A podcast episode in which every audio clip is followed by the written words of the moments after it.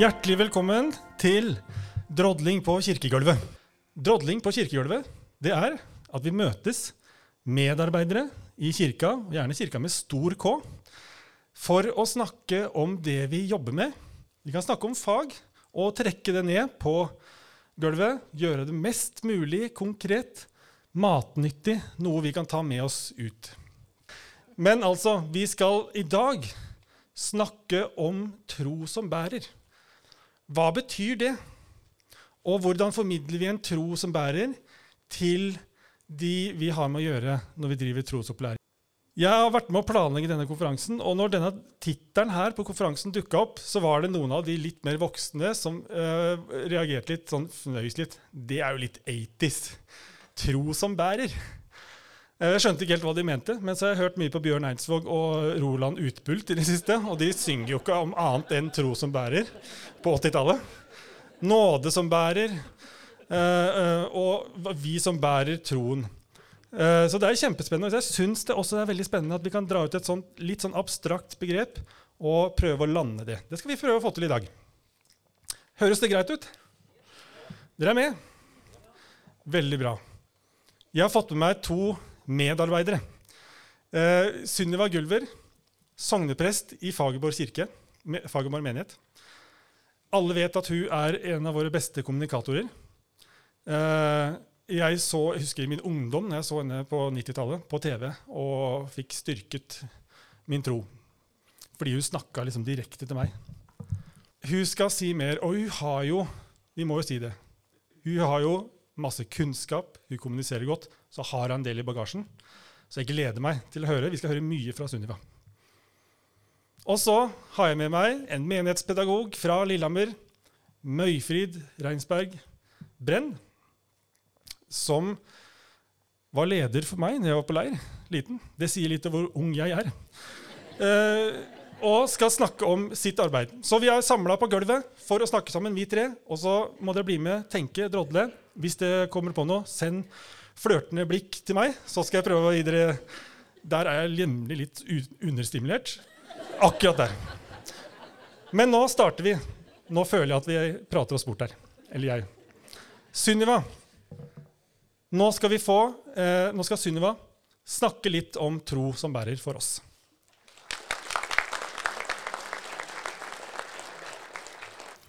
Jeg blir helt rørt av å stå foran en sånn skokk med kirkelige medarbeidere. Er jo, vi er jo litt underfora fortsatt på det å samles. Uh, og når vi skal snakke om en tro som bærer, så må jeg få lov til å starte med det fineste jeg kan starte med. Nåde være med dere, og fred fra Gud vår Far og Herren Jesus Kristus. Og så skal jeg legge til det jeg legger til på alt eh, i de siste årene. Midt i alt som er. Eh, jeg fikk ikke gjort ferdig doktoravhandlingen min, i hvert fall ikke foreløpig. Det ble litt for mye sykdom og død og andre ting. Men jeg tenker at hvis midt i alt som er, blir stående igjen etter meg, så er jeg egentlig godt fornøyd. Det er jo atskillig kortere enn en avhandling, men eh, det er ikke sikker på om sporene er så mye dårligere. Eh, og jeg har eh, elsket at det er tittelen 'Tro som bærer'. Eh, og jeg har sikkert sammen med mange av dere jobbet mye med det i alle de 26 årene jeg har vært prest. Eh, fordi at det er jo det som er viktig. Hvis det skal være noe vits med denne troen, så må den på en eller annen måte bære, for det er jo det Gud gjør. Ellers blir det noe, noe rart her. Eh, og så har jeg fått jobbe ekstra med det de siste årene. Eh, både etter at jeg selv holdt på å dø i en ulykke i 2017, eh, og etter at Lars Kristian, min mann, ble syk i sommeren 2020 og døde i fjor sommer, så har jeg så sterkt fått kjenne på den troen som bærer. Å gå opp på prekestolen ja, Nå skal jeg passe tida litt. Unnskyld. Sånn. Å gå opp på prekestolen eh, søndagen etter at Lars Kristian hadde fått diagnosen, og fått vite at vi kommer til å ha veldig kort tid igjen. Vi vet ikke nøyaktig hvor mye. Det var fantastisk. Å gå opp ja, Jeg står ikke på prekestolen, men på stolen. Her. Gulvet. Og tenke at den troen som jeg har fått lov til å lære og som jeg har fått lov til å være del av i Kirkens fellesskap, den bærer også nå. Når det er min tur. Og Derfor er jeg så glad for at vi har et sånt seminar med en sånn tittel. Og så tenker jeg inn i en trosopplæringskontekst. Eh, så jeg har lyst til å bare gi et par eksempler på hvorfor jeg tenker dette blir så viktig. For vi må ha det i ryggraden. Det må ikke være noe vi bare liksom tenker på når vi sånn skal være ekstra flinke og inkluderende, eller nettopp har hatt besøk av inkluderingsdiakonen eller kateketen eller presten. eller hvem det nå er. Men det må ligge i ryggraden. For det har så mye å si. Vi åpner og lukker dører med måten vi forkynner på, med lekene vi drar i gang på arrangementet vårt, med måten vi tilrettelegger inn i rommet. Og tro som bærer handler både om det fysiske, psykiske, sosiale, åndelige alt. Eh, og jeg hadde noen studenter som da hadde øvelsesgudstjeneste. Og så var det en veldig flink eh, jente som hadde prekenen. Det var på Kristi forklarelsesdag. Opp på fjellet med Jesus og hyttebyggerne som bretter opp ermene og sier at det er godt at jeg er her. Dere kan den teksten. Eh, Johannes og Peter. Eh, og så holder hun en nydelig kort preken hvor hun tar utgangspunkt i at hun på somrene var oppe på hytta på fjellet med eh, bestefar og løp med drage. Eh, og Så snakket vi sammen gjennom gudstjenesten etterpå og prekenen, og fram og tilbake, og så sa hun det er én ting jeg vil utfordre deg på. Eh, det er én ting vi ikke har snakket om i dag, som er livsviktig. Kan dere gjette hva det er? Eh, og det kunne de jo ikke. Eh, man kan jo ikke være inne i hodet mitt. Men jeg sa å ta utgangspunkt i gode barndomsminner. Statistisk i denne forsamlingen så sitter det et ikke ubetydelig antall hvor barndommen har vært et mareritt. Med vold, med omsorgssvikt, med overgrep eller hva det nå måtte være. Og så sier studentene mine ja, men Sunniva, du sier alltid, du maser sånn om dette. Vi kan jo ikke alltid snakke til de 5% som har vært utsatt for overgrep. Eller de 10 til sammen som har ekstra utfordringer på en eller annen måte. Nei, ikke hele andakten, men vi kan si én setning. Og som jeg sa til henne, det vi kunne gjort. Vi, for da sa jeg, hva ville dere sagt hvis jeg skulle med én setning anerkjent og legitimert at vi vet at det ikke er sånn at all barndom er god? De syntes det var vanskelig. Men da kommer vi opp med ikke sant? Hvis man sier i dag skal jeg dele med dere et fantastisk minne fra min barndom. Ikke alle har det sånn. Det vet jeg. Jeg har vært heldig. Det holder. Eller på allehelgens. Jeg vet ikke hvor mange av dere som skal gudstjeneste på allehelgens, men jeg har i år og år etter år sagt husk å tenne et lys for de som sørger fordi de ikke sørger. Tenn et lys for de som ikke vil møte noen igjen. Og siter for dem Johannes 14. I min fars hus er det mange rom. Skillevegger. Ikke sant? Vi må være til stede, og vi trenger ikke å si så mye, men noen ting. Og da må det ligge her. Da må du ha stemmene til noen av barna eller ungdommene som vi jobber med, i huet, sånn at de bare alltid er med. Eller hvis vi synger en salme ikke sant? Jeg fikk forslag om dåpssalme. Eh, Jesus, hva heter Milde Jesus nå med ny oversettelse? Ja, i hvert fall Milde Jesus. Og der står det om å legge hendene på. Jeg har jo sagt at jeg vil ikke ha den i min kirke. For å legge hendene på folk det er faktisk, Jo, jeg vet at i karismatisk sammenheng er det bare hyggelig. Men vanlig språk Han la hånden på henne. Det er ikke bra. Det er faktisk uh, vold, det. Altså, et eller annet må bare ha med oss hvordan, Så vet jeg at noen av oss blir oversensitive. Jeg spurte noen Vi har Blindeforbundet i vår menighet. og så hadde noen av ønsket seg veldig salmen uh, 'Gå gjennom lange, rette gater'. Og da synger vi jo at blinde skal se. og sånn. Det er jo et evig tema at blinde skal se. Og så spurte jeg da disse to damene som pleier å være hos oss, og som var der den søndagen, var det liksom vanskelig for dere. Hæ? ok, Nei, Da var det jeg som fikk litt alarm, alarm, alarm uten grunn. Men altså det å ta og ha den der med oss, det betyr så uendelig mye. Og jeg satt nettopp på en Ikke nettopp, for noen år tilbake. Jeg har vært med å tale på Hekta på en sånn stor konfirmantleir med 1000 konfirmanter og 200-300 ledere eh, i flere år. Og et år eh, var jeg medpredikant si, med en veldig veldig dyktig fyr som jeg ser opp til, for han klarer å holde fast på én idé. Jeg skal jo ha en altfor mye hele tiden. Eh, og en veldig god kommunikator. Og jeg husker, og det sier jo hvor bra det var, jeg husker de to eksemplene hans. Eh, den ene dagen så snakket han om sauen som ble borte, om det å bli mistet. Eh, og da hadde han liksom et eksempel med å ha mistet mobilen og løpe rundt og lete, og hvor glad man blir når man finner den igjen. Og. Men det han ikke sa ett ord om, det var at det er en god del mennesker som ikke har noen som spør etter deg eller leter etter deg når du blir borte. Det er ganske fælt. Én setning om at for noen av oss er kanskje ikke det verste å miste mobilen, men det verste er at hvis vi blir mistet, så er det ingen som leter etter oss. Det holder.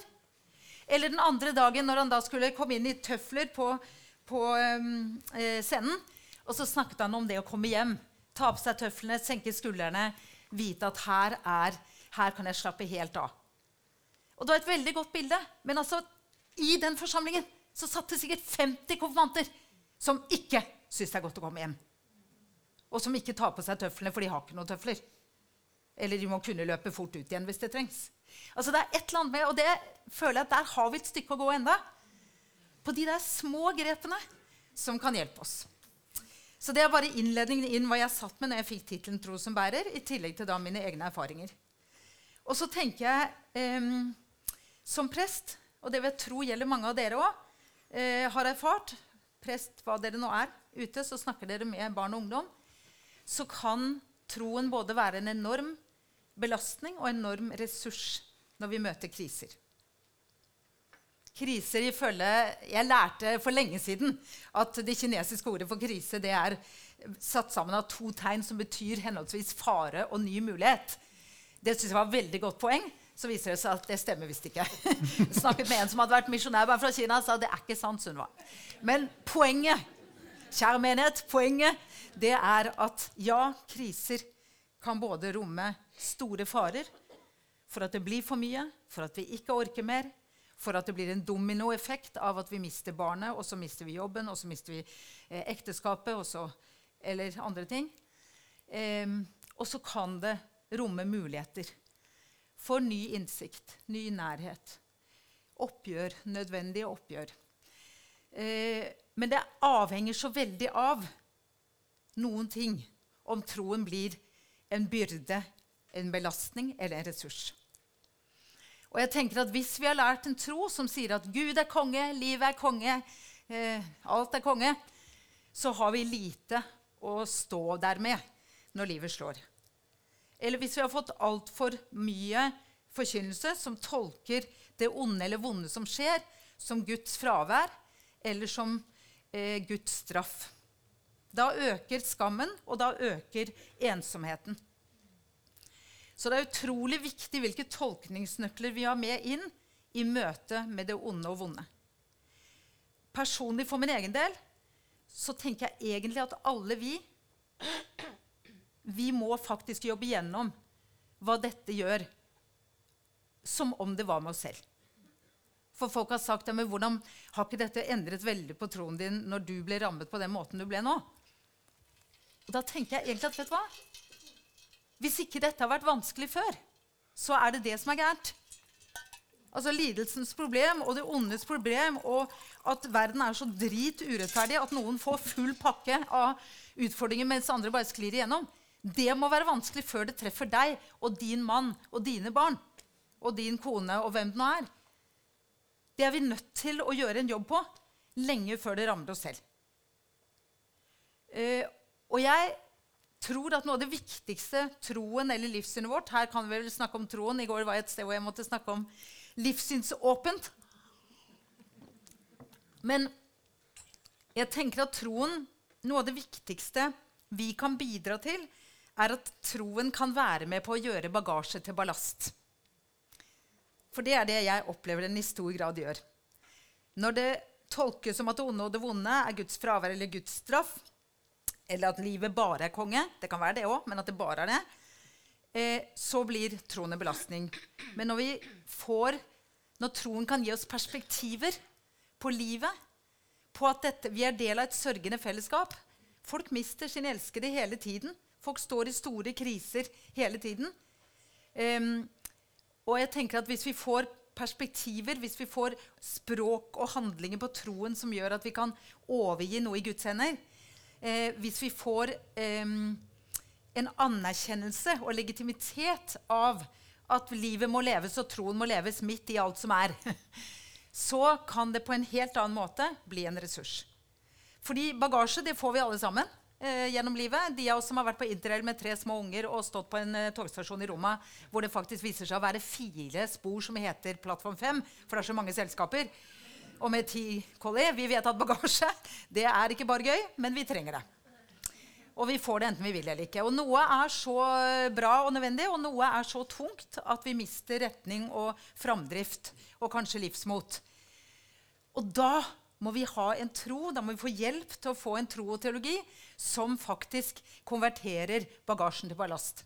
For ballasten er akkurat like tung, men den ligger i kjølen, og den sørger for at vi kjører stø kurs i stormen. Og det kan vi bidra til hvis vi sørger for en ærlighetsteologi som snakker sant om troen og livet. Første gang jeg tenkte på dette, da var jeg 16.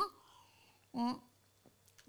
Um, og det var fordi søsteren min Gunvor døde da hun var 15 og jeg var 16, av anoreksi.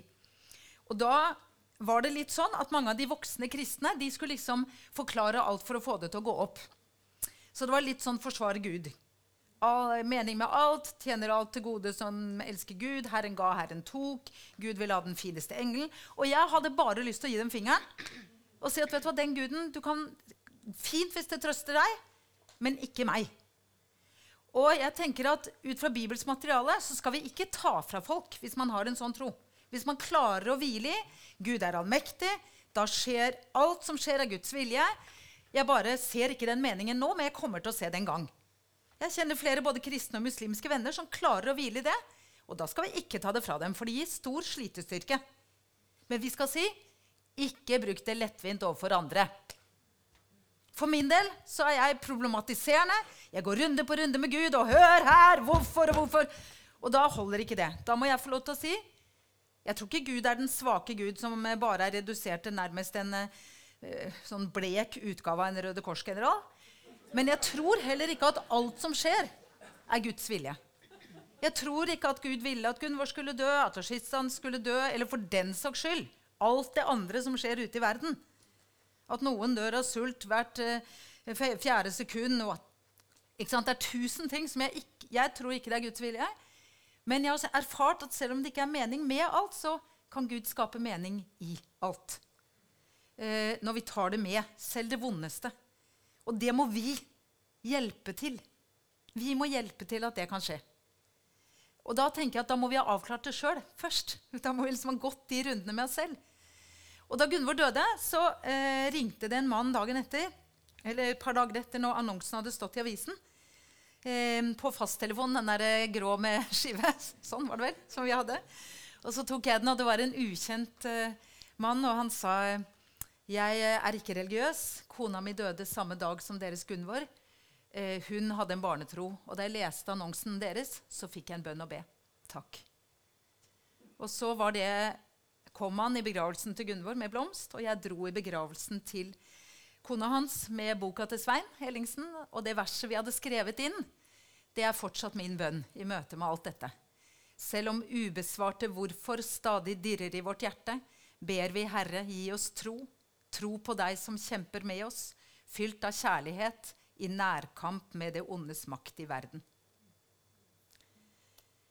Livet og troen og verden går ikke opp. Og hvis da teologien alltid skal prøve å gå opp, så blir jeg litt mistenksom. Det er noe med kartet og terrenget. Rett og slett. Vi må tåle det. Og da må vi være gode venner. Og jeg tenker en av oppskriftene for oss, det er jo Jobbs venner. Først på hva som er dritbra å gjøre, og så på hva du for all del ikke må gjøre. De starter, ikke sant? Alt har rammet jobb. Jeg regner litt med at folk kan jobb her. Hvis dere ikke kan det, så er det veddemålet mellom Gud og Satan. Og jobb rammes av all verdens ulykker. Det har hun fått lov til av Gud, så dette er en litt sånn merkelig eh, innramming. Men vi kommer inn i historien der hvor da jobb er rammet av alt. Fra å ha vært liksom på toppen av pyramiden, så har jobb mistet helse, mistet barna sine, mistet livsverket sitt, eh, og sitter og piller på byllene sine. Og så kommer disse tre, Sofar og Elifas og hva han nå heter, eh, disse tre vennene, langveisfra. Det var jo dyrt og farlig og, og tok lang tid å reise, men de gjør det. De kommer. Det er veldig bra. Tommel opp. Trinn 1. Kom, ikke gå over på andre siden av veien. Vi må hjelpe våre barn og ungdommer til å være der. Ofte er barn og ungdommene mye bedre på det enn de voksne. Det var de barna eller ungdommene da Gunvor døde. Så kom de ikke med flotte ord, men de kom med eh, kassettspiller. Det var det på den tida. Og Twist, og vi dro ned til sjøen og satt og bare gnasket. God diakoni. Men i hvert fall, så eh, Jobbs de kommer. Det er kjempebra. Punkt to de gir uttrykk for fortvilelsen. Der var det naturlig å flerre kapper og kaste jord og brøle. Vi skal kanskje ikke bruke akkurat den oppskriften i Norge. I hvert fall vite hvor vi gjør det. Men å gi uttrykk for fortvilelsen. Kondolerer er jo et fantastisk ord. Det hadde jeg egentlig ikke tenkt over før jeg selv ble en som hele tiden ble kondolert. Kondolere. Med smerte, med medlidenhet. De var med. Fantastisk. Og så står det at de satte seg sammen med jobb. I sju dager og i sju netter satt de på jorden uten å si et ord, for de så hvor vondt han hadde det. Yes! Bortsett fra prolaps og litt sånn sju dager og sju netter. Au, au. Men, men poenget er at det er helt riktig. Men så ødelegger de alt! For hva gjør de da? Jo, da begynner de med den der Ja, men egentlig er det jo synd og skyld og sykdom. Har du gjort noe fælt, så går det deg dårlig. Er du kjempesnill, så går det deg bra. Du har det skikkelig vondt, ergo du har syndet. Jobb, du har gjort noe gærent. Nei, jeg har ikke det. Jo, det har du. Nei, det har jeg ikke. Jo, du har det. Og så begynner de å krangle på det med stakkars jobb. Det er jo bare tull. Så er det masse kapitler jeg ikke skal ta dere med i, for nå har jeg ikke så mange minutter igjen. Men poenget er jo at Gud sier tydelig fra Eh, hvis vi nå skal ta bibeltekstene til inntekt når det passer oss, så gjør jeg det nå. Gud sier tydelig fra til vennene til jobb. Det var feil måten dere snakket til jobb om meg på. Stryk karakter.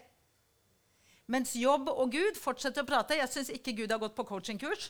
Det er litt sånn Hvor var du da jeg spente himmelen opp og havets dyp og flodhesten og henter ut det han kan imponere med? Men det som er interessant, er at det virker på meg da, uten at jeg er jobbekspert, men det virker på meg som at jobb på en eller annen måte finner en hvile i at OK, jeg kan ikke skjønne alt, dette er for svært, men du er enda større. Kan vi klare det på en eller annen måte? For det virker, jobb sier nei, kanskje jeg ikke hadde helt peiling. Og så virker det som man liksom bare lander litt da, i fortvilelsen. Så jeg tenker det er et sånn mini-sørgekurs. Og jeg har så mye lyst til å si til dere, men jeg har kanskje tre minutter igjen. Nå må jeg prøve å tenke litt hva jeg da skal velge ut. Men jeg tror at det å En tro som bærer, den må Vi må tematisere de vanskelige tingene. Vi må komme, ikke vike unna. Vi må jobbe gjennom våre egne ting. Vi må snakke sammen om hvordan kan vi ha den ene setningen. Hvordan kan vi la være å ha en konfirmant-icebreaker-lek hvor vi skal stå i en ring og sette oss ned på fanget til hverandre og gå nærmere og nærmere. Alle har sikkert vært med på det. Husker ikke hva den het. Vi kan ikke ha det, folkens. Hvis du har vært utsatt for overgrep, så kan du ikke bli bedt om å sette ned på skrittet til medkonfirmanten din. Vi gjør kanskje ikke det lenger etter metoo, men altså bare, vi er nødt til å bare ha med oss hodet og hjertet. Og så må vi helst ha en ledergruppe med litt forskjellig bakgrunn. Og det er det en del av oss som har, men det er også en del av oss som ikke har det. Og det er litt sånn, Jeg har vært taler på Tenn Korsvei. Jeg elsker jo Korsvei. Jeg har vært der i alle år. Det er liksom mitt åndelige hjem, for å si det sånn. Og så ser jeg at de unge lederne er jo helt fantastiske. Men den lille ulempen det er at de er med som ledere fordi de elsker leir. Korsvei er en familiefestival. Det er ikke sikkert at alle de tenåringene elsker leir. Det kan til og med hende at mor og far har dratt et mildt press fordi at lillesøster hadde lyst til å være med, og de selv hadde lyst. Da må vi ta høyde for det. Og når da de unge lederne står og sier Hvis Er det noen som ikke har noen å spise lunsj med? I en sånn forsamling. Nei, det kan vi ikke spørre. Vi kan si vi lager lunsj der hvis noen får lyst til å stikke innom. Men sånn kan du ikke be 18-åringene huske hvis de alltid har elsket leir. Men vi, vi må huske det. Vi må ta med de perspektivene som gjør at det ikke blir unødig tungt for de som allerede bærer tungt. Og det tror jeg vi kan klare, men da må vi altså jobbe gjennom det. Og jeg tenker, eh, hvis jeg sier Det siste jeg kanskje må si skal vi se her, jeg tenker at det som eh, amerikanske Emily Esfahani Smith hun har en sånn TED-talk. Hun hadde intervjuet masse masse mennesker om eh, hva som var hva som gjorde at livet var bærekraftig for dem. Så dette var ikke bare et trosperspektiv. da. Det var liksom livet generelt. Eh, og jeg tenker jo, i denne boka eh, så har jeg prøvd, eh, fordi jeg visste at jeg ville ha et større rom å snakke i eh, rett etter at Lars Kristian døde, enn om tre år. Selv om det kanskje er mye verre om tre år. Eh, så jeg har vært ganske offentlig. Eh, og de tre tingene jeg har hatt på agendaen Jeg kalte da boka mi 'Midt i alt som er'. En fortelling om kjærlighet, sorg og eksistensiell beredskap. Eh, 'Midt i alt som er' ble født fordi jeg skulle ønske folk en god helg, en god jul, god natt, god søndag, god morgen. Men jeg visste jo at den ikke ville bli god. For det var for mye angst, det var for mye smerter, det var for mye konflikter hjemme. Og da måtte jeg på en eller annen måte si det sånn at jeg samtidig anerkjente de usynlige kampene. For en ting er jo sorgen der vi mister. Den er legitim, den er synlig, den kan være beinhard. Men det er jo mange andre sorger som er helt usynlige, og som vi i Kirken har sagt så fint, som det ikke sendes blomster til. Og da var det å si 'God jul' midt i alt som er. For da har jeg signalisert, jeg husker og vet, at det er mye annet, men jeg ønsker deg det beste jeg kan midt i det. Og så heter den 'En fortelling om kjærlighet og sorg og eksistensiell beredskap'. Fordi kjærligheten den må vi ta vare på, og vi må lære barna og ungdommene våre å lære av dem. ikke minst. Hvordan tar vi vare på kjærligheten? Jeg tror vi er ganske gode på det i en god del av trosopplæringen i Den norske kirke. Det har jeg i hvert fall fått tilbakemeldinger på. Men vi kan alltid bli enda bedre. Og gjøre det på forskjellige måter. Disse kjærlighetens fem språk eller ti språk. eller hvor mange det nå er. Det er jo så mange språk. Og så er det å gi seg selv og andre større rom å sørge i. Det må vi også hjelpe barn og ungdom til. Jeg har opplevd veldig mange barn og ungdommer de får dårlig samvittighet hvis de ikke sørger nok eller sørger feil. Eller, eh, og Gunvor døde 16. mai, og 17. mai skulle vi opp på Tolinell jeg og lillesøster, og kjøpe godteri. Dobbel dose. Jeg står og ler av noe Johanne sier, og så kommer en voksen. 'Hvordan går det med deg?' Det var sikkert ment omsorg, men jeg følte det var en slap in the face. Du sørger ikke ennå. Søsteren din døde i går. Og Sånn har det vært for ungene nå når Rashistan døde. De voksne kommer, og jeg gjør det samme selv. Kommer og vil klemme og spørre med hundeblikket hvordan er det med deg, selv om jeg ikke har sett dem på tre uker eller en måned. Mens de kanskje akkurat da vil chille og sklette. Vi må tune oss inn. Og det er viktig å lage rom å sørge i som kan være på forskjellige vis, og når det passer, tune oss inn på det. Og gi dem lov til å danse og le når de orker det. Og det siste var den eksistensielle beredskapen. Og det er den jeg har egentlig snakket mye om. og som jeg nå må jeg avslutte. Eh, det er nettopp og hvilke ressurser vi har å møte liv og død med. Nå får de livsmestring i skolen, men det er det terapeutiske språket som har tatt over. Det er mye bra i det terapeutiske språket. Mange bra diagnoser. Vi har noen av dem i familien nå. Og det er fint at det, når det kan åpne opp og ikke lukke, så er det fint. Men vi må også være på banen med det eksistensielle språket. Vi har en korsfestet oppstanden Kristus, en kjærlighet som er sterkere enn døden, å forkynne. Og det må vi ta med, for det er ikke noen andre nødvendigvis som gjør det. Og da handler det om hva er det som kan bære meg i møte med døden, og i møte med livet når det slår. Hva er det som driver meg? Hvilke gode spor vil jeg sette her i verden? Hvordan kan vi sammen som fellesskap snakke sant om troen og livet? Og jeg tror at Hvis vi klarer å gi ungene og ungdommene våre en god ballast på det inn, så eh, setter vi store ringvirkninger. Og så blir Gud en som de søker til, også når ikke vi lenger kan holde tak i dem. Herren velsigne deg og bevare deg. Herren la sitt ansikt lyse over deg og være deg nådig. Herren løfte sitt åsyn på deg og gi deg fred, midt i alt som er.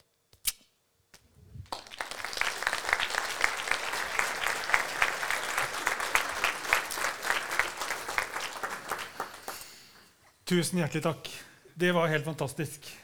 Det er ganske god respons her i salen. Utrolig nyttig og fint å høre. Veldig sterkt. Jeg tenkte mye på eh, ærlighetsteologi, for det har jeg hørt deg si mange ganger. Og så den, eller det mottoet du alt midt i alt du er. Eller, Midt i alt som er, ja. Midt i alt som er. Ja, den er min. Som jeg, den er din. Og den bruker du eh, eh, hele tida. Og så eh, begynte jeg å tenke på du så, Når du snakker om tro som bærer, så snakker du så konkret og, og menneskelig, liksom. Jeg er utdanna filosof. Uh, og når jeg studerte filosofi på Blindern, så det å snakke om tro som bærer, da skal jeg forsvare troen intellektuelt. Ikke sant? Så for meg ble sånn et, det å snakke om troen Jeg ble egentlig veldig lei av det, for jeg aldri likt det. uh, å snakke filosofisk om troen. Uh, så ble det bare utrolig kjipt, og det ga meg ingenting. Men når man snakker om en tro som gjelder livet, og som gjelder alle sanser og følelser og opplevelser, erfaringer, midt i alt som er. Da kan vi gi en tro som bærer. Ålreit? Ja, det var ikke det. Jeg tenker vi, vi, Ja. Men det er bra at du er filosof òg, for jeg tenker vi har jo noen av disse ungdommene og barna våre som grubler skikkelig. Men det må ikke stå alene. Da blir det- litt oppi her. Nei, må ikke, og da, mitt spørsmål var liksom, fordi Jeg er på TikTok mye, og eh, der er det utrolig mye diskusjoner. Og det går på apologetikk. Og det er sikkert mange som er apologeter her. Men jeg har aldri funnet meg til rette der. Men kanskje den beste måten å drive trosforsvar på, eller en veldig god måte å drive trosforsvar på, er nettopp som du sier, snakke om en tro som gjelder livet. Og som har med relasjoner og sånn å gjøre. Er jeg inne på det der? Jeg tenker Du er veldig inne på det, og jeg tror det er ikke noen motsetning nødvendigvis. Hvis man går til de gamle bevismidlene, som sikkert du har lært mye om i filosofien, med patos, logos, etos, så skal vi på en måte prøve å ha en kommunikasjon og formidling rundt tro som både treffer hodet og hjertet og relasjonen oss imellom. Og at jeg tenker at eh, Det er fint å invitere folk inn til bordet og se litt hvem er de ungene og ungdommene vi har der. Hva er det de lurer på? Grill en prest eller kateket eller diakon. Hva er det de faktisk sitter og tenker at nei, dette er hver djevelens advokat? Det har jeg alltid med konfirmantene mine. Hva er det de, beste, de ti beste grunnene for ikke å tro på Gud? Så får vi kjempespennende samtaler. ikke sant? For da er det jo helt forskjellige ting. Hva folk er opptatt av, og hva de opplever at hindrer dem. Men igjen er det å ikke være ureflektert. Jeg hadde en festival hvor jeg skulle snakke til ungdommene hvor temaet var agape. Da tenker jeg det var ganske innafor. Når du kjører gresk liksom, eh, som tittel på, på temaet. Men da måtte vi liksom snakke om vi må først snakke om hva er det som blir vanskelig når vi sier at Gud er kjærlighet. Så kan vi begynne å snakke om at Gud er kjærlighet, for det er Gud. Men det er jo ganske vanskelig òg. Og det med lidelsen i verden, med et bilde av om Gud sender folk til helvete. Altså Vi må ta noen av de der, så kan vi gå inn og snakke om det andre. Men det holder ikke å bare si 'Gud er kjærlighet'. Nei, ikke sant. Vi må snakke inn i livet. Eh, og så har jeg lyst til å stille et litt sånn, eh, for, som kommer for deg, litt sånn spontant. Fordi, jeg vet ikke om dere kjenner til, I Fagerborg kirke så har de potterpåske. Er det det de kaller det? Ja. Og jeg, har, eh, jeg er gift og inn i en Potter-familie. vi elsker Potter. Og jeg har en sønn som kommer til deg så fort han blir gammel nok, hvis vi flytter til Fagerborg Sogn. da, selvfølgelig. Det jeg tenker på, korset i panna til Harry Potter. Og når vi ser, Dere som har lest Harry Potter, han har et kors i panna. Og det, det gjør noe med hva, hva, Kors i panna Vi kan koble det til dåp. Kan vi snakke om tro som bærer? Og kors i panna på Harry Potter? Ja, ja, ja, jeg gjør det jo hele tiden. Ja. Jeg, mm, skal, var det jeg holder på med andagsbok, Potter-andagsbok nå. Eh, og det er eh, korset i panna som vi får. Det tilsvarer jo lynare. ikke sant? Og det er klart Lynare fikk Harry Hvis jeg ikke har lest Potter, jeg må lese det. Altså, jeg har tenkt å ha en camp hvor vi skal lese alle 70 timene høyt som på omgang. Det har man jo gjort med Bibelen, og det må man også gjøre med Potter. Men poenget er sant, at nettopp lynare til Harry det fikk han jo når den onde fyrst Voldemort sendte ut en drepende forbannelse. Eh, og så kaster moren til Harry seg imellom for å redde gutten sin. Eh, og dette lynarret han da har, det minner han jo for alltid både på lidelsen, ondskapens realitet i verden, døden, og så minner han på den kjærligheten som var sterkere enn alt, og som ga seg selv for han, og som i det faktisk ga han et vern i kampen mot onde. Og så har vi noe som vi syns er enda bedre. ikke sant? Så det er, eh, og dette er jo, altså Fantasy-universet er jo Der er man jo ikke redd for å snakke om en kamp mellom godt og ondt. Så da har du liksom et premiss liggende der. For det er klart Hvis vi blir redd for å snakke om godt og ondt, så blir det sånn, og redd for å snakke om synd, hva er poenget med nåden? Altså, da, da blir det litt sånn Gud er grei, og vi er greie, og Gud er glad i deg. Og det er fint. Det skal vi si på 1000 millioner måter. Men hvis vi bare sier det, så er det jo ikke så lett å skjønne hva vi skal med denne nåden. Og der er eh, ikke minst fantasy-universet til en god hjelp, da. Absolutt helt enig. Og det er masse god litteratur å lese. Jeg er nerd på det sjøl. Tusen takk. Og jeg tenkte på, bare kjapt, jeg tenkte på når jeg snakker om synd med mine konfirmanter, f.eks. det er jo kjempeskummelt. Men så pleier jeg alltid bare å gå, gå til grepet Men se omkring dere, da. Se all den dritten, liksom, og eh, kjent på egne følelser. Ja, det utfordrer dem ikke på å kjenne på egne følelser nødvendigvis, men, men verden er jo slik.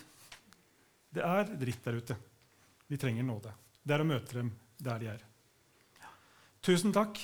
Du kan komme opp hvis det kommer spørsmål sånn etterpå, men nå har jeg lyst til å snakke litt med Møyfrid. Kom opp. Klapp for uh, og Møyfrid. Ja. Møyfrid, jeg har sagt litt om deg. Du har vært leder for meg på leir, bl.a. Eh, eh, på Trond ungdomssted. Det bærer meg, ass. Eh, hva jobber du som? Jeg er menighetspedagog for uh, kirkene på Lillehammer. Det er seks menigheter. Vi er to uh, som jobber med, spesielt med trosopplæring i de seks menighetene. I tillegg til prester og kateket og sånn. Hva er det du liker best med å jobbe som menighetspedagog? Eh, det er jo møtene med barna. Jeg er førskolelærer fra tidligere, så jeg er jo kanskje aller mest opptatt av de minste barna. Hvordan vi møter dem. Ja. Og at de fra de er små, skal få lov til å oppleve å komme til kirka og kjenne at her er det plass for hele dem. Med alt som er av kropp og um, villskap og plutselige følelser og um, livet som det er når man er to-tre år og også videre. Eh, jeg jobber jo på et sted hvor det er ganske mange som døper ungene sine. Og det er høy konfirmantprosent av de som er døpt. Eh, men sånn, liksom, det imellom, da, det er ikke så um, Altså, det er vanskelig å få familier til å komme på trosopplæringstiltak. Eh, vi kan ha liksom, samling for fireåringer og utdeling av fireårsbok, og så kommer det to barn. Hvis det kommer noen. Eh, det er litt forskjellig fra menighetene. Men um, det å få dem liksom, til å komme til kirka, det Vi har ikke helt knekt hodet på hvordan de gjør det. Men vi har jo barnehagene. Da har vi fått lov til å utvikle et veldig godt samarbeid med barnehagene. Vi får lov til å komme til alle, nesten alle barnehagene på Lillehammer før jul og før påske og fortelle ja, om Jesu fødsel og, og, sånn. Og så har vi til påske får vi lov til å fortelle om Jesu død og ikke minst oppstandelse. Og da når vi jo en helt annen bredde enn det vi gjør på, på trosopplæringstiltak. Mm. Og så ser vi jo at det Det er jo ikke mange møtene vi har med barna. Det er jo det samme en time i året. da, på besøk i barnehagen. Men det betyr noe. For fortellingene de virker, og de går inn i barna. Så når jeg da møter unger i byen i helt annen sammenheng, så ser de 'Å, det er jo du som jobber i kirka!' Og så har de masse sånne positive følelser for det. Og hvis jeg møter dem igjen senere, kanskje på trosopplæring sånn, mange år senere, så sier de 'Å, husker du når du var i barnehagen hos oss?' Og da har vi en relasjon, og da kan vi også begynne å snakke om andre ting. Nå sa du et ord som er ekstremt uh, viktig relasjon. Relasjon er viktig. Mm. Vi er enige om det. Og så er det uh, eh, De av dere som gidder å lese sånne rapporter, og, og, sånne ting, så har det kommet en rapport, et utvalg som har eh, evaluert trosopplæringen. Eh, og noe av det viktigste de foreslår, det er mer fokus på hjemmet. De ønsker å fokusere, jobbe mer mot hjemmet. Har du erfaringer med det? Altså, I barnehagene det er jo en veldig fin inngangsport. Fordi at vi når jo da en del voksne som jobber i barnehagen, som har egne barn. Som de kan dra hjem og, og snakke med. Eh, og så kommer barna hjem og forteller til sine foreldre om hva de har opplevd. Eh, og legger også, barnehagene legger også ut mye da, på Facebook om at nå har de hatt besøk av kirka, og vi har snakket om Jesu død og oppstandelse. Eh, så, så når det ganske bredt ut. Jeg kan jo fortelle en historie. For, noen, eller, for lenge siden da jeg jobba i barnehage, så hadde jeg en kollega. Han var sånn skikkelig ateist. Altså, ingen skulle noen gang få han til å gå i en kirke. Så han nekta å være med på sånne julesamlinger som vi har i kirka. Eh, og det er jo greit. Så bodde han, han bodde langt unna en stund. Og så kom de flyttende tilbake til Lillehammer nå. Og unge har fått barn. Så eldstegutten var da med på samling med barnehagen i kirka. Og det var da før påske. Eh, og så hadde han kommet hjem. Og så hadde han vært så veldig opptatt av oppstandelsen. Og faren da, han sendte en melding til meg, for vi har hatt litt kontakt. Og så sendte han melding til meg at ja, gutten hadde vært på barnehagesamling. i kirka. Eh, og jeg var litt spent på hvordan han eh, opplevde det. Om han liksom, jeg syntes det kanskje var litt dumt at barn hadde vært der. Men sønnen hadde kommet hjem og vært så veldig opptatt av denne oppstandelsen. Og snakka mye om oppstandelsen hjemme. Jeg synes At Jesus hadde stått opp. At det var ganske utrolig. Eh, og så hadde jeg hatt en del samtaler gjennom våren. Og første pinsedag så var jeg på gudstjeneste i den kirka. Og eh, da kommer da sønnen og faren til kirka og setter seg på første rad i kirka. Og får med seg en eh, veldig spennende dansegudstjeneste. Eh, så måtte jeg jo snakke med han etterpå. Altså, hva, hva har skjedd? Det ser jo ut som du er frivillig. Eh, og så sier han det at ja, sønnen han hadde jo snakka så mye etter den påskesamlinga om denne oppstandelsen og, og, hatt så mange spørsmål og mange tanker rundt dette her. Eh, og denne morgenen så hadde sønnen våkna tidlig. De hadde hørt kirkeklokkene. Og så hadde sønnen sagt, 'Du, pappa, kan ikke vi gå i kirka i dag?' Og da kunne ikke faren si nei. Da måtte de til kirka, og så fikk de med seg en, eh, en gudstjeneste. Og jeg fikk snakka litt sammen med dem, og så fikk vi delt ut seksårsbok til eh, gutten også. Som Nydelig fortelling, og jeg blir sånn rørt. Og så begynner jeg å tenke på, eh, for jeg hadde tenkt å kunne vise et bilde av foreldre som bærer barnet til dåpen. Tro som bærer, liksom. Men er det barnet som bærer faren til kirka. Det er jo helt nydelig. Vi har en kamerat som sitter der. Ja. Har, vi, vi, skal liksom være konkrete her. Du Han kjenner ikke jeg så veldig godt, så du må nesten fortelle om han. Ja, Dette er uh, en av dokkene som jeg bruker å ha med meg i barnehagesamlinger. Uh, så da Før jul så opptrer han som Josef. Uh, og før påske så skifter han karakter og blir til Peter. og ved å bruke dokker da, så kan vi fortelle fortellingene på en helt annen måte. For da kan Peter han kan fortelle, som Peter, hvor trist det er å miste vennen sin.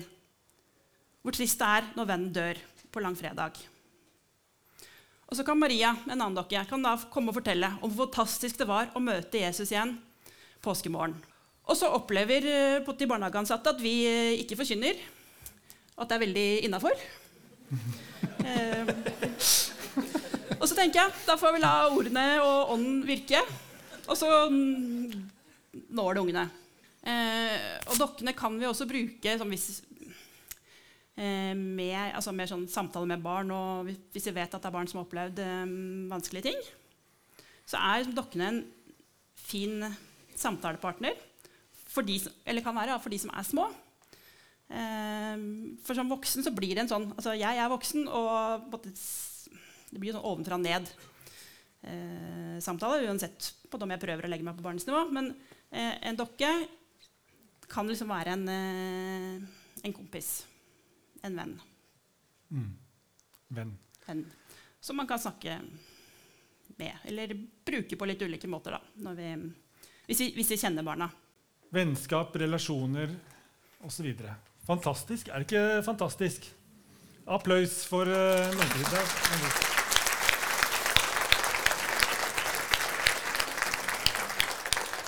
Jeg har ikke opplevd så veldig mye flørtende blikk. Eh, jeg er litt unnvikende sjøl. Jeg syns det er litt pinlig. Så det tok jo veldig lang tid før jeg skjønte at man ble flørta med. Eh, men eh, hvis det er noen som har noe de vil spørre om, så er det bare å rekke opp hånda. Dere er hjertelig velkommen. Ja, vi har en bak der. Kan du, mens jeg skal prate, og så skal du gå, kan du gå til mikrofonen? Fortellingene er viktige, og det tenkte jeg på nå tenkte jeg på det når du sa det. Vi får bibelfortellinger. Og det knytter det veldig til livet her og nå. Vennskap, relasjoner, savn, sorg. Eh, dypt menneskelige utfordringer. Eh, og, så, eh, tenk, så, var det så fint med Jobbs bok. Fordi det er så typisk at eh, iallfall når jeg da, nå må jeg snakke for meg selv, jeg blir veldig fokusert på jobb og Gud og, og den andre hovedfiguren der. Men vennene, det fokuserte du på. Tenk så mye disse bibelfortellingene gir oss. Så det syns jeg var veldig inspirerende og gøy å gjøre. Og tenk, å bruke bibelfortellingene. Der har vi en vennskapsfortelling faktisk, i Jobbs bok med et veldig alvorlig tema. Det var kjempefint. Vær så god. Navn først, og så spørsmål. Ja, Mitt navn er Thomas Erlandsen. Jeg har eh, litt sånn spørsmål til dette her med krisespråket som Kirken har. Eller, ja. For jeg har eh, en gjeng som jeg trener med, og så sier de at det er så rart at du er prest. For du er jo helt normal. Du er jo sånn som oss. Og så eh, Vi har jo hengt sammen i mange år, trent sammen. og så disse her folk som ikke går på gudstjeneste, har, har, ingen interesse av å være i kirken. De er på pluss-minus min alder, 40 minus pluss. Så jeg bare spurte de en dag hvorfor går dere ikke på gudstjeneste. da? Og da fikk vi en sånn lang samtale. De var, kunne ikke svare på det. Men prat, det ble liksom en sånn prat. da. Hvorfor går, hvorfor, hvorfor går vi ikke på gudstjeneste? Uh, og da uh, da var det en som sa etter hvert at han hadde vært på gudstjeneste for å teste hvorfor han ikke går på gudstjeneste. Og så sa han det Språket er jo i krise hele tida. Og jeg, det er jo mest hverdager. Og så sa han det litt sånn som, sånn som deg, Thomas, sier han, som noen ganger trenger jeg at du er presten, men da har jeg krise. Så sier jeg jeg er ikke presten når vi bare trener sammen og snakker tull. Nei, da skjønner jeg ikke at du faktisk kan være prest. Så jeg bare med tanke på at jeg tenker at vi er flinke på krisespråk. Vi er flinke med begravelse. Vi er flinke liksom, når folk sliter, eller når vi sliter. Og når vi er veldig lykkelige. Men denne hverdagen så har jeg inntrykk av at mange Det er jo anekdotisk, det her, men det er en del folk jeg trener med. Det er sånn 30-40 stykker. Jeg, jeg, er sånn spør, da. Jeg, jeg, ja. jeg er crossfit-coach, så da får jeg liksom den inngangen til å bare spørre masse sånne spørsmål. Um, men da lurer jeg på er vi ikke flinke på um, hverdag. Når ting er bare grått og uh, Eller bare, bare kødder rundt og har det gøy. Men altså, ja, det bare, Jeg bare bringer det inn. Jeg har ikke noe svar. Men det var litt det med krisespråk. Ja. ja takk. Skal jeg gå, eller skal jeg? Du, du kan gå, du, hvis du ja. ikke har noe mer å si. Applaus for uh, Eh, jeg tenker du absolutt eh, peker på et poeng. Og litt sånn sleivete kan man jo si at vi i Den norske kirka har liksom tatt oss av krisene, og så er det noen andre som tar seg av henda i været. liksom. Men jeg syns jo fortsatt at vi ikke nødvendigvis er best på krisespråket. Jeg tror det varierer veldig. Jeg tror vi alltid kan lete litt etter hvordan det kan bli mer kobling. Nettopp fordi jeg tror ikke at livet så ofte er sånn Nå er det bare krise, og nå er det bare gøy. Jeg tror Det er et eller annet man kunne hjelpe hverandre til å gå litt lettere inn og ut av de rommene. Og gjerne mens vi trener eller gjør helt andre ting. Um, men jeg tror nok du har rett i at mange forbinder oss med ikke minst eh, prester og kanskje også andre samtalepersoner i kirken, da, som først og fremst assosieres med det. At vi forbindes lett med eh, krisene og med det litt sånn store eksistensielle. Og det tenker jeg jo også er for så vidt en kompliment. For det handler om at de rommene åpnes ikke så ofte. Nordmenn er jo lydige. Hvis du sier 'gruppearbeid', snakk om hva som gir livet mening, så gjør de det. Men det er ikke sånn at vi gjør det liksom etter gullrekka på NRK sånn helt av oss selv. Så, så jeg, jeg, er ikke så redd for Jeg vil ha liksom mer både krisespråk og hverdagsspråk og alt. Eh, men jeg tror du har helt rett i at vi skal ikke forutsette at alle har det kjempevondt hele tiden. Altså Det er et eller annet med å, å, å ta på alvor også gode, den gode hverdagen. da. Um, og jeg tror litt sånn, Det er en litt sidespor, men når ungdommene våre for eksempel, eh, vokser opp med Ungdataundersøkelsene som forteller at den psykiske helsen både til jenter og gutter, og særlig jenter, blir mye dårligere år for år, og de samtidig blir spurt minst annethvert år om å tenke veldig og kjenne veldig etter om de har vært nedfor den siste uka, så, så gjør jo nesten kanskje det også at man overrapporterer på det. Fordi man ellers nesten føler seg unormal hvis man ikke er stresset når man går i tiende. Så, så klart, vi må jo hele tiden sånn eh, ja, prøve å og kanskje nettopp ha den samtalen i det teamet eller det laget vi er en del av. Hva er det vi er gode på her, og hva er det vi kanskje glipper litt på? Hva som går litt under radaren? Eh, for det er klart at Jesus snakket jo masse om ren hverdag. Og trær og bønder og fugler og hva de nå holdt på med der ute, og kornet og det som de dreiv med til daglig. Så hvis vi opplever at vi bare har språk og bare har noe å komme med når det brenner, liksom, så tenker jeg jo at da har du helt rett at da er det noe som eh, glipper. Men jeg tror vi må kanskje tåle at i den brede folkekirken så vil veldig mange forbinde oss med Vi er jo fastprester og fastdiakoner. ikke sant? Vi er der, men helst ikke nå, da, for nå er jo fastlegeordningen i krise. Men sånn i teorien så er vi der når folk trenger oss, og så vil de helst ikke bruke oss mer enn nødvendig. Eh, men jeg tenker jo sånn i forhold til det du sa med, eh, med opplæring i hjemmet fra rapporten eh, Bare for å egentlig bygge litt bro til det, for det er jo der de fleste hverdagene leves for de fleste. da. Eh, så tenker jeg at det er ganske stor utfordring å skyve det tilbake til hjemmet. Fordi min erfaring Nå har jeg flere dåpssamtaler ukentlig stort sett, og har hatt det i 26 år. Eh, folk, De fleste av Norske kirkes medlemmer er helt språkløse på egen tro. Jeg holder til et sogn med høyt utdanningsnivå. Masse doktorgrader eh, sikkert også. Men når det gjelder å snakke personlig om tro og livssyn, så stopper det helt opp. Og kombinert med barna skal velge selv, skepsis mot religiøs påvirkning og usynlig egen religiøs praksis hvis du har den, så spør jeg dem hva blir summen da. Nei, det har de ikke tenkt på. Så sier jeg, men Du ville jo ikke sendt ungen din inn til prøvevalg for Stortinget og sagt for at du skal gjøre et godt valg, så skal vi ikke fortelle noe om hva partiene står for. Ikke sant? Du tar dem med på møter og valgkampboder og ser nyheter og snakker over middagen. Mens når det gjelder livssyn Vi lærer dem tran og takk for maten og alt det vi tror er bra. Mens når det gjelder livssyn uh? Og det er, det er starten. Så den, vi kan godt ønske oss det. Jeg tror det er viktig, men jeg tror nok mye mer på sånn som det dere har fått til. da. At, at det, det skal mye til å få det til bare rett inn gjennom hjemmet. Og så tenker jeg Det er kjempeviktig da, i trosopplæringen at vi har variasjon i det vi tilbyr. Eh, at vi viser ulike måter å be på. Eh, altså, vi, bruker, altså vi, er, vi, kan synge, og vi kan være ute, og vi kan være, leke og vi kan ha stille stunder på ulikt vis, men at de får litt sånn ulike redskap og språk. Da, for folk er jo veldig ulike. Altså Noen vil gi mening å gå en tur og snakke sammen. Mens andre har bønnespråk å synge. Og så tenker jeg også at, det, at vi har litt sånn konkrete ting i trosopplæringen som vi på en måte kan, kan, kan, bruke, og som de også kan ta med seg hjem. Altså ha en stein som vi bruker når vi ber. Altså bare for å ha noe å holde i. Eh, kanskje gi dem et kors, et gripekors som de kan ta med seg hjem. Ha i lomma. Og så kanskje det blir en samtale hjemme om, om hva de har gjort, på, gjort i kirka når de først har kommet dit. Og sånn også Kristuskransen. Altså ting ha, små ting som man kan ha i lomma, som kan være litt sånn påminnelser, og som også kanskje kan starte en samtale hjemme. Det tror jeg du har helt rett i. Og så er det jo tenker jeg, også litt viktig, og det er jo sikkert pedagogen mye bedre på enn meg, eh, at det er som Henry Nowen han eh, sier et sted, at du tenker deg ikke fram til ny måte å leve på, du lever deg fram til ny måte å tenke på. At tingene vi mm. gjør, gjør noe med hvordan vi tenker. Jeg tror i kirken har vi, jeg er jo hodemenneske og veldig glad i å prate.